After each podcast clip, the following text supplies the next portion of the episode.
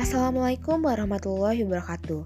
Selamat malam, salam sejahtera untuk kita semua. Perkenalkan, saya Dewi Andriani dengan NIM 1900208 dari kelompok 2 Kriminologi, kelas PKN 2019A EV IPS UPI. Podcast ini saya buat untuk memenuhi salah satu tugas dari mata kuliah kriminologi dengan dosen pengampu Prof. Dr. Dasim Budimansyah MSI serta Ibu Nisrina Nurul Insani MPD. Baik, pada kesempatan kali ini di sini saya akan memberikan tanggapan kepada kelompok 6 mengenai pemaparan materi dalam bentuk video serta makalah yang membahas mengenai kejahatan terorisme dalam perspektif kriminologi dan ilmu sosial lainnya. Pertama-tama, saya ingin membahas dari segi makalahnya terlebih dahulu.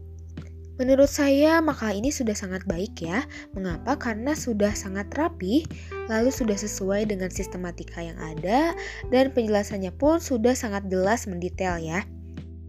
Salah satunya ketika menjelaskan definisi. Kelompok ini mengambil sudut pandang beberapa para ahli serta berbagai segi baik itu etimologis dan juga terminologis. Kelompok 6 ini mengambil kasus mengenai terorisme bom Tamrin pada tahun 2016. Walaupun kasus ini sudah lama, tapi kasus ini pernah menjadi perbincangan yang sangat hangat, sehingga diketahui oleh banyak orang.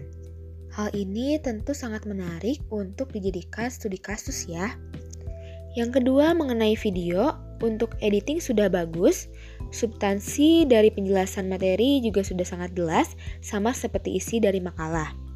Namun menurut saya masih ada anggota yang suaranya pelan, sehingga suaranya tertutup oleh background itu, ekspresi penyaji dalam menjelaskan materi menjadi salah satu faktor penting untuk menarik perhatian pendengar atau penonton.